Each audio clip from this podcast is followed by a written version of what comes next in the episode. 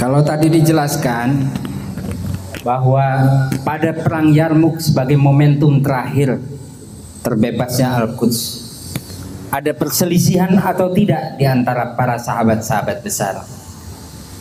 Ada atau tidak perselisihan di situ? Ada karena ego masing-masing ketika para panglima itu saling berhadapan. Tapi kemudian para panglima itu menyadari bahwa persatuanlah yang hanya bisa membebaskan Al-Quds. Maka kunci satu-satunya, tolong ingat wahai para pemuda, bahwa Al-Quds hanya bisa terbebas kalau umat Islam bersatu.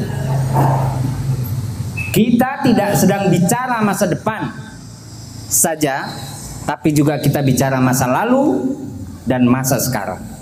Mari kita lihat. Sampai kemudian dinasti Umayyah, kemudian Abbasiyah. Dinasti Abbasiyah ini berpecah karena masing-masing negara, masing-masing kekuasaan saling bermusuhan untuk mempertahankan kekuasaannya sendiri setelah berabad-abad berikutnya. Keadaan umat Islam pada saat itu sungguh kacau balau pada masa dinasti Abbasiyah. Semua umat Islam persaudaraan ukhuwah Islamiyah koyak dan ibadah juga koyak. Maka dalam posisi lemah seperti itu dimanfaatkanlah oleh segelintir orang atau yang kita kenal sekarang sebagai Yahudi dan Nasrani untuk mencoba masuk menguasai Al-Quds. Singkat cerita, kemudian Al-Quds dikuasai melalui perang salib Perang salib itu dimunculkan dari berita bohong yang kemudian disebarluaskan sebagai propaganda kepada seluruh daratan Eropa, terutama melalui gereja-gereja dan para pastor. Bahwa kaum Saracen yang menguasai Al-Quds saat ini atau umat Islam memperkosa para wanita, membunuh anak-anak dan seterusnya. Berita hoax itu membangkitkan rasa pembelaan terhadap Kristen, orang-orang Kristen, sehingga mereka bangkit, dimobilisasi seluruh orang yang ada di Eropa untuk bisa datang ke Al-Quds memerangi umat Islam pada pada masa itu dan kesatria yang kita kenal kemudian disebut sebagai kesatria Templar. Para ikhwan tahu bahwa perang salib itu berjalan ribu ribuan tahun berjilid-jilid. Di tengah situasi yang seperti itu, Umat Islam berpecah, ukhuwah Islamiyah koyak, ada Sunni, ada Syiah, ada orang-orang kelompok yang di, zaman dinasti Abbasiyah mempertahankan kekuasaannya sendiri. Ingat, perpecahanlah yang kemudian membuat umat Islam menjadi lemah. Maka datang kemudian kesatria Templar membebaskan atau menaklukkan Al-Quds pada saat kondisi umat Islam sedang terkoyak. Dalam posisi itulah kemudian Al-Quds direbut oleh orang-orang Nasrani sampai kemudian Allah takdirkan muncul salah satu raja yang kita kenal dengan Imaduddin Zangki. Imaduddin Zangki adalah kaisar Seljuk yang istananya ada di yang kerajaannya muncul dari negara bagian Irak terutama di Mosul. Dia kemudian menyadari dari kajian-kajian yang dia pahami, dari ilmu yang diserap dari guru-gurunya bahwa kondisi umat Islam sekarang sedang dalam posisi yang sangat menyedihkan. Nah kemudian singkat cerita, Imaduddin Zangki berusaha bertekad untuk membebaskan Al-Quds melalui tiga tahap itu yang diturunkan kepada anaknya Nuruddin Zangki Nuruddin Zangkilah kemudian secara bertahap, secara terus-menerus mengobarkan semangat bahwa Al-Quds harus dibebaskan. Dengan cara apa? Membasmi seluruh ibadah-ibadah yang sifatnya musyrik, kemudian mempersatukan umat Islam pada saat itu yang sedang terpecah belah, kemudian melazimkan untuk selalu meneriakkan atau menanamkan benak di dalam benak bahwa Al-Aqsa adalah milik umat Islam. Para ikhwan tahu Nuruddin Zangkilah yang melazimkan perlombaan pembacaan puisi dan seterusnya serta menghidupkan daurah-daurah Al-Aqsa di setiap wilayah supaya umat Islam sadar bahwa Al-Aqsa adalah milik umat Islam. Tapi cita-cita itu tidak tercapai. Karena Allah berkehendak lain kemudian Nuruddin Zangki wafat. Namun kemudian qadarullah juga pada saat Nuruddin Zangki wafat dia tidak memiliki keturunan kecuali masih dalam kondisi anak-anak. Maka Nuruddin Zangki tidak punya keturunan untuk menyerahkan kerajaannya pada anaknya. Tapi karena anaknya masih kecil dan tidak mungkin menghadapi situasi dan mewujudkan cita-citanya, maka kemudian tugas ini dia berikan kepada panglimanya yang kita kenal dengan Salahuddin Al-Ayyubi. Jadi Salahuddin Al-Ayyubi itu bukan bangsawan. Itu orang biasa, anak dari petugas atau pekerja atau dari pembantunya Nuruddin Zangki. Artinya di sini poin perlu kita pahami bahwa pembebas Al-Aqsa itu tidak harus raja, tidak harus bangsawan, tidak harus orang yang punya titel dan status duniawi. Ingat pembebasan Al-Aqsa zaman pertama, orang-orang yang betul-betul tinggi kualitasnya. Amr bin As, Khalid bin Walid, Surahbil bin Hasanah. Betul ya? Yazid bin Abi Sufyan. Mereka adalah pribadi-pribadi atau pemuda-pemuda yang kualitasnya baik.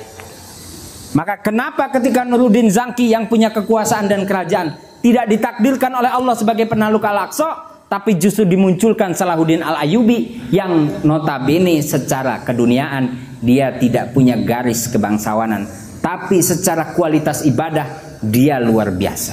Itu poin pertama. Artinya kesempatan untuk menjadi pembebas Al-Aqsa tidak ada tidak mutlak pada orang-orang yang memiliki kekuasaan atau orang-orang istimewa. Next. Maka tadi saya sampaikan bahwa lemahnya umat Islam itu hanya karena perpecahan.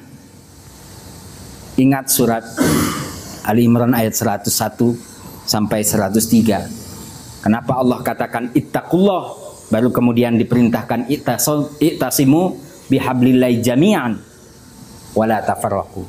Karena esensinya perpecahanlah yang bikin kita lemah. Perpecahanlah yang menjauhkan kita dari terbebasnya Al-Aqsa. Maka ketika Nuruddin Zangki kemudian dieksekusi oleh Salahuddin Al-Ayubi, di saat itulah umat Islam sedang mengalami kebangkitan karena kualitas ibadah baik personal maupun jama'i juga dalam posisi pelaksanaan syariat yang nyaris sempurna. Namun sayang seribu sayang, kita masih selalu tergoda oleh perpecahan. Perpecahanlah, ingat para ikhwan sekalian, perpecahanlah yang menjadi senjata paling ampuh dan utama dari orang Yahudi yang selalu dipelihara sampai sekarang. Anda ingat cerita kawan-kawan kita Kenapa ada West Bank? Kenapa ada tepi barat? Kenapa ada Gaza? Kenapa kemudian politik yang memisahkan mereka? Kenapa Fatah? Kenapa Hamas harus berseteru? Karena pagar-pagar politik yang mereka pelihara dalam bentuk perpecahan. Lanjut. Lanjut. Perang dan permusuhan sudah ada sejak zaman Rasul.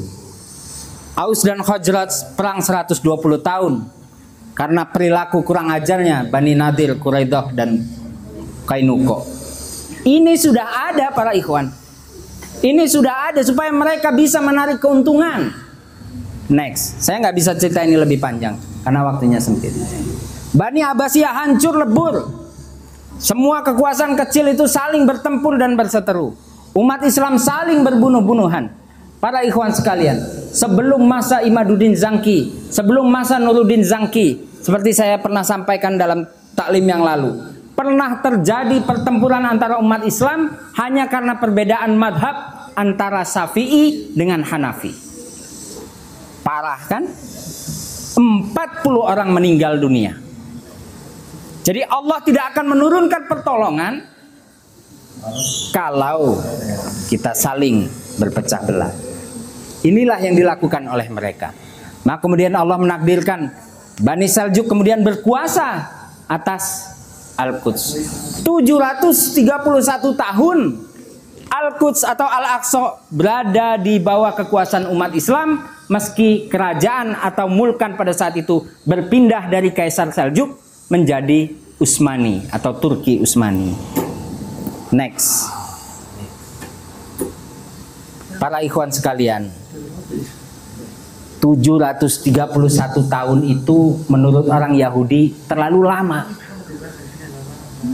Meski terlalu lama, tapi mereka sebenarnya sudah menyiapkan beberapa poin atau beberapa langkah yang strategis bagaimana Al-Aqsa yang 731 tahun dikuasai oleh Turki Utsmani bisa jatuh ke orang Yahudi.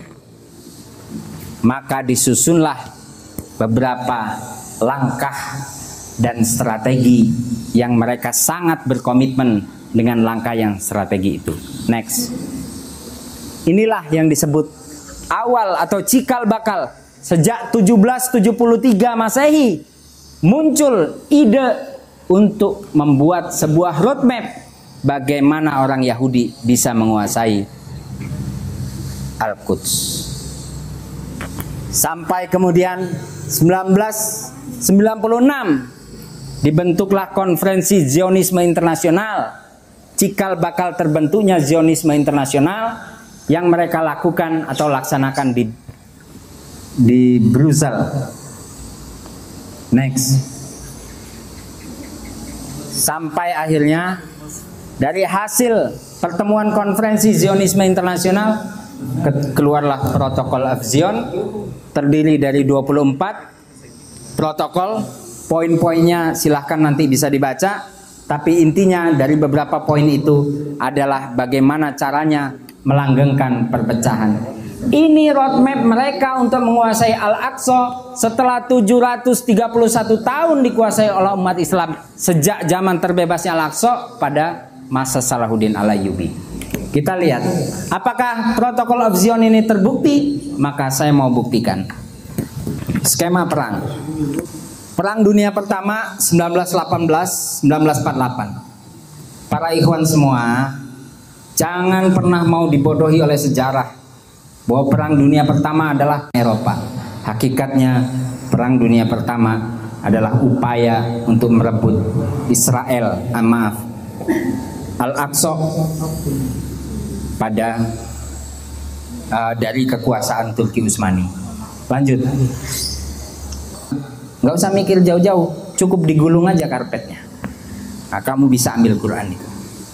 Kalau mau gulung Turki Utsmani, maka dia harus gulung banyak negara di situ. Singkat cerita, terjadilah pertempuran pada waktu itu.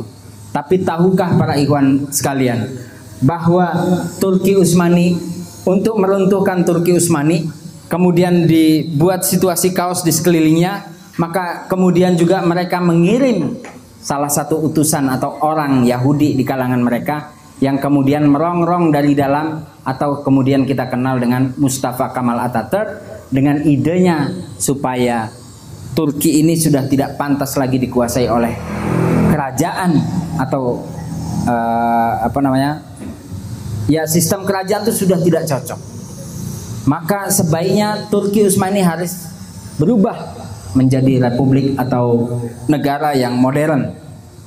Itulah isu yang dihembuskan kepada mereka. Situasi Turki Utsmani ekonominya juga sedang tidak baik. Ketika Turki Utsmani mulai dirongrong dengan adanya atau munculnya Mustafa Kamal Atatürk untuk menghembuskan isu dan menumbuhkan semangat para pemuda agar berubah kekhilafahan itu harusnya runtuh maka kemudian Yahudi mengirimkan agen-agen yang lain di saat yang bersamaan. Kekuasaan Turki Utsmani itu meliputi Syam, kemudian Syarifain Haramain yang terdiri dari Makkah dan Madinah. Di Makkah dan Madinah ada gubernur di bawah kekuasaannya Turki Utsmani yang kemudian kita kenal dengan Syarif Hussein. Syarif Hussein ini salah satu orang Arab yang berkuasa atas Madinah dan Makkah. Tapi kemudian Sarif Hussein dirayu oleh salah satu agen yang diutus oleh orang Yahudi untuk memberontak kepada Turki Utsmani. Jadi agen itu dikirimkan ke tanah Arab yang namanya adalah T.I. Lawrence. Dia dikirim ke tanah Arab, kemudian melakukan pendekatan dengan khas cara mereka, orang-orang Yahudi yang sudah dilatih sebagai mata-mata pada waktu itu, menawarkan kepada Sarif Husin, "Sudahlah, Sarif Husin, engkau sudah tak layak lagi menjadi bawahannya Turki Utsmani. Maka sebaiknya engkau berdiri sendiri, bikin negara sendiri, kekuasaan sendiri, biaya akan saya keluarkan, senjata akan saya sediakan. Nanti kalau kamu memberontak kepada Turki Utsmani, maka seluruh kekuasaan Jazirah Arab itu akan menjadi kekuasaanmu. Engkaulah yang akan kami jadikan sebagai raja. T. Lawrence itu orang Inggris, tapi dia hakikatnya adalah agen Yahudi. Nah, sementara T. Lawrence sudah menawarkan itu kepada Sarif Husin, di, di wilayah Arab itu ada wilayah Hijaz dan ada wilayah Najd. Penguasanya berbeda. Kemudian si T. Lawrence datang ke penguasa Najd atau suku Badui yang kita kenal sekarang sebagai cikal bakal kerajaan Arab Saudi, mbahnya kerajaan Arab Saudi yang disebut sebagai yang namanya adalah Abdul Aziz Al Saud. T. Lawrence bilang, kamu kan penguasa Najd, kamu nyatakan perang kepada Turki Utsmani, saya kasih uang, saya kasih persenjataan. Kalau kita menang, maka kamu akan menjadi penguasa Arab. Jadi Lawrence menawarkan satu kue untuk dua orang. Tapi Sarif Hussein nggak tahu, si Abdul Aziz Al Saud juga nggak tahu. Singkat cerita, akhirnya mereka saling bertempur. Karena janji yang sama harus ditawarkan kepada dua orang yang berbeda. Mereka berebut. Abdul Aziz Al Saud ribut sama Sarif Hussein. Sementara posisi Arab uh, Sarifain Haramain ribut dengan penguasa Najd, mereka ribut sendiri, perang sendiri. Sementara di Turki Utsmani sudah mulai terjadi pemberontakan. Pada saat di sini terjadi pemberontakan tidak bisa mengawasi lagi posisi Hijaz dan Najd, maka kemudian posisi Syam atau Al-Quds menjadi tidak terkontrol. Apalagi yang dilakukan? Baru kemudian dalam situasi yang seperti itu, Inggris melalui sekretaris kerajaan yang bernama Balfour memberikan rekomendasi kepada orang Israel atau orang Yahudi tokoh dari pencetus protokol of Zion dalam bentuk deklarasi yang disebut sebagai deklarasi Balfour. Deklarasi Balfour inilah yang menjadi tiket orang Yahudi untuk kembali ke Palestina merebut Palestina. Tapi Palestina posisinya belum bersih.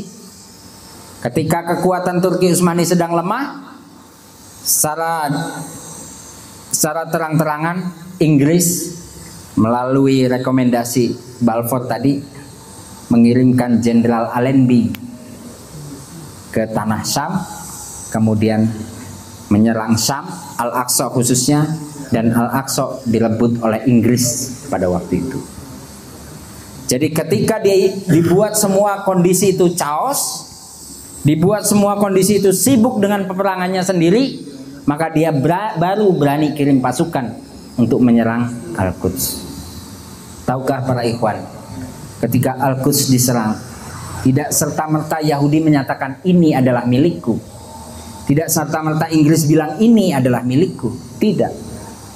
Tapi kemudian dia mengumpulkan beberapa negara adik kuasa atau sekutu mereka untuk berkumpul dalam satu meja membicarakan bagaimana caranya supaya tanah Arab ini atau bekas kekuasaan Turki Utsmani terpecah belah melalui perjanjian yang diakui oleh negara-negara sekutu.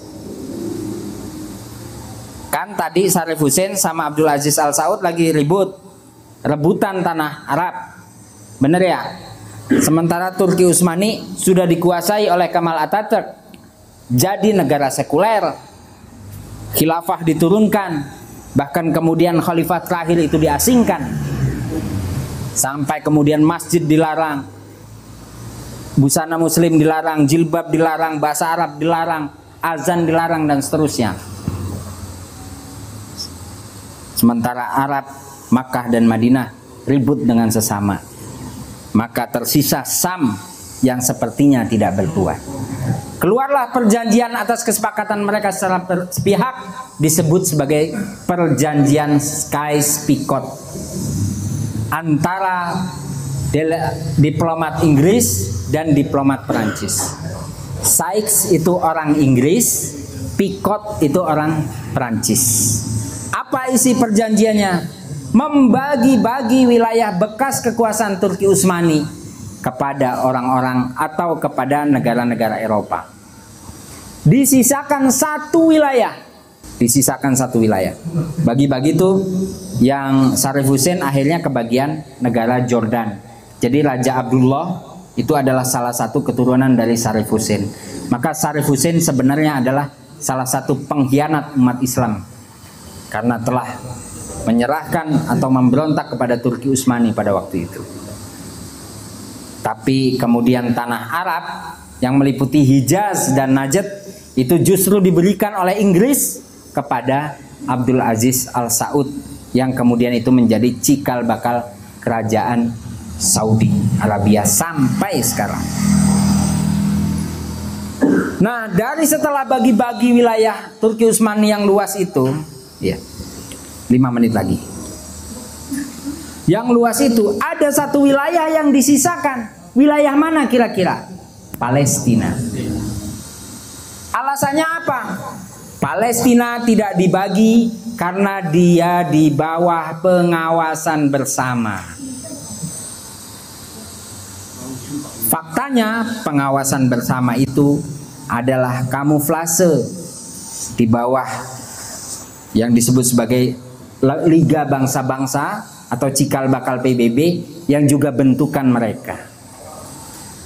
Tapi sayang seribu sayang, cara-cara licik itu kemudian baru ketahuan bahwa itu ternyata diberikan kepada Israel melalui deklarasi Balfour. Dengan cara inilah kemudian mulai orang Israel pada datang ke situ. Salah satu tokohnya yang mulai yang pertama kali menjadi presiden adalah James Weisman yang merupakan seorang yang memiliki jasa yang luar biasa terhadap kemenangan Inggris terhadap Jerman pada Perang Dunia Pertama. Jadi, para ikhwan sekalian, waktu Inggris lagi berantem sama Jerman, dia kalah dia perlu tenaga baru, eh, senjata baru. Muncullah James Weisman. Dia buatkan formula senjata baru sehingga membuat persenjataan Inggris unggul dari Jerman. Maka kemudian menang. Singkat cerita, si Balfour bilang sama Weisman, kamu sudah berjasa kepada Inggris. Kamu akan saya berikan tanah dan akan akan saya berikan gelar kebangsawanan. Tapi Weisman bilang, kamu tidak perlu membalas saya dengan tanah atau apa pun cukup kembalikan orang-orang saya, orang-orang Yahudi ke Palestina. Maka keluarlah deklarasi Balfour.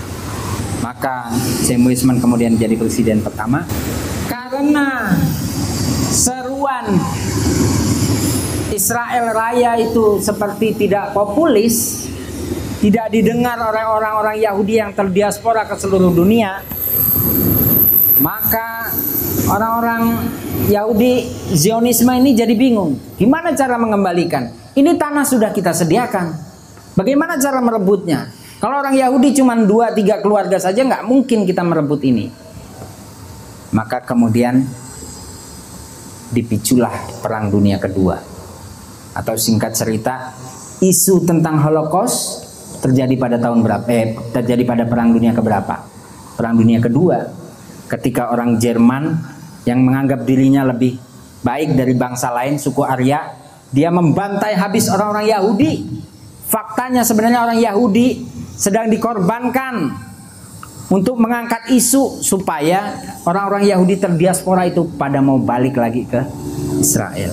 Maka sejak perang dunia kedua berbondong-bondonglah dan berduyun-duyunlah mereka datang ke ke Palestina menggeser patok sampai kemudian yang tersisa hanya Gaza Strip, kemudian sebagian dari tepi barat. Para ikhwan semua, itu kelalaian kita karena kita saling berpecah. Maka persatuanlah yang bisa. Ini momen terakhir akhir zaman nanti akan ada di Al-Aqsa. Siapa yang berdiri di situ, maka dialah orang yang istimewa sebagaimana terbebasnya Al-Aqsa sebelum-sebelum itu. Kewajiban kita sekarang melazimkan untuk membuka daurah-daurah Al-Aqsa agar Al-Aqsa tetap ada di benak kita. Mau jadi petugas sejarah atau mau jadi orang yang dilibas oleh sejarah. Mungkin umur kita tidak cukup untuk bisa sampai ke depan tembok Al-Aqsa, tapi kita harus mewariskan itu kepada anak cucu kita. Bahwa Al-Aqsa harus tetap didengungkan. Maka pemuda harus bangkit. Pemuda harus berpikir. Harus menanamkan cita-cita bahwa Al-Aqsa lah tujuan. Karena sekali lagi saya nyatakan, zaman ini akan ditutup oleh terbebasnya Al-Aqsa. Saya kira itu mudah-mudahan bermanfaat. Mohon maaf kalau ada kata-kata yang kurang ini bisa menjadi pengetahuan buat kita dan apa yang disampaikan oleh Ustaz Saifullah sampai kemudian sampai sekarang. Apa yang kita laksanakan itu adalah sesuai jalan yang pas lah. Roadmapnya itu jelas. Kalau kita menawarkan persatuan tentu kita akan ditanya persatuan wujudnya kayak apa sih? Lo teriak sono persatu ayo kita bersatu. Gak mungkin persatuan kalau tidak ada pemimpin. Nah kita sudah melaksanakan. Jadi apa yang sudah terjadi, apa yang sudah kita laksanakan mungkin jauh dari ideal. Tapi bukankah kita tahu bahwa zaman Rasulullah Shallallahu Alaihi Wasallam menciptakan dulu roadmapnya seperti dijelaskan oleh Ustadz Saifullah MD. Rasul pun begitu ada, dia bukan sebagai pembebas Al-Aqsa, tapi melakukan perbaikan, melakukan dakwah, memperbaiki segala sesuatu yang ada di sekitarnya, lingkungannya dan masyarakat Baru kemudian generasi berikutnya lah yang akan membebaskan Al-Aqsa. Mudah-mudahan kita bisa menjadi generasi yang paling baik. Assalamualaikum warahmatullahi wabarakatuh.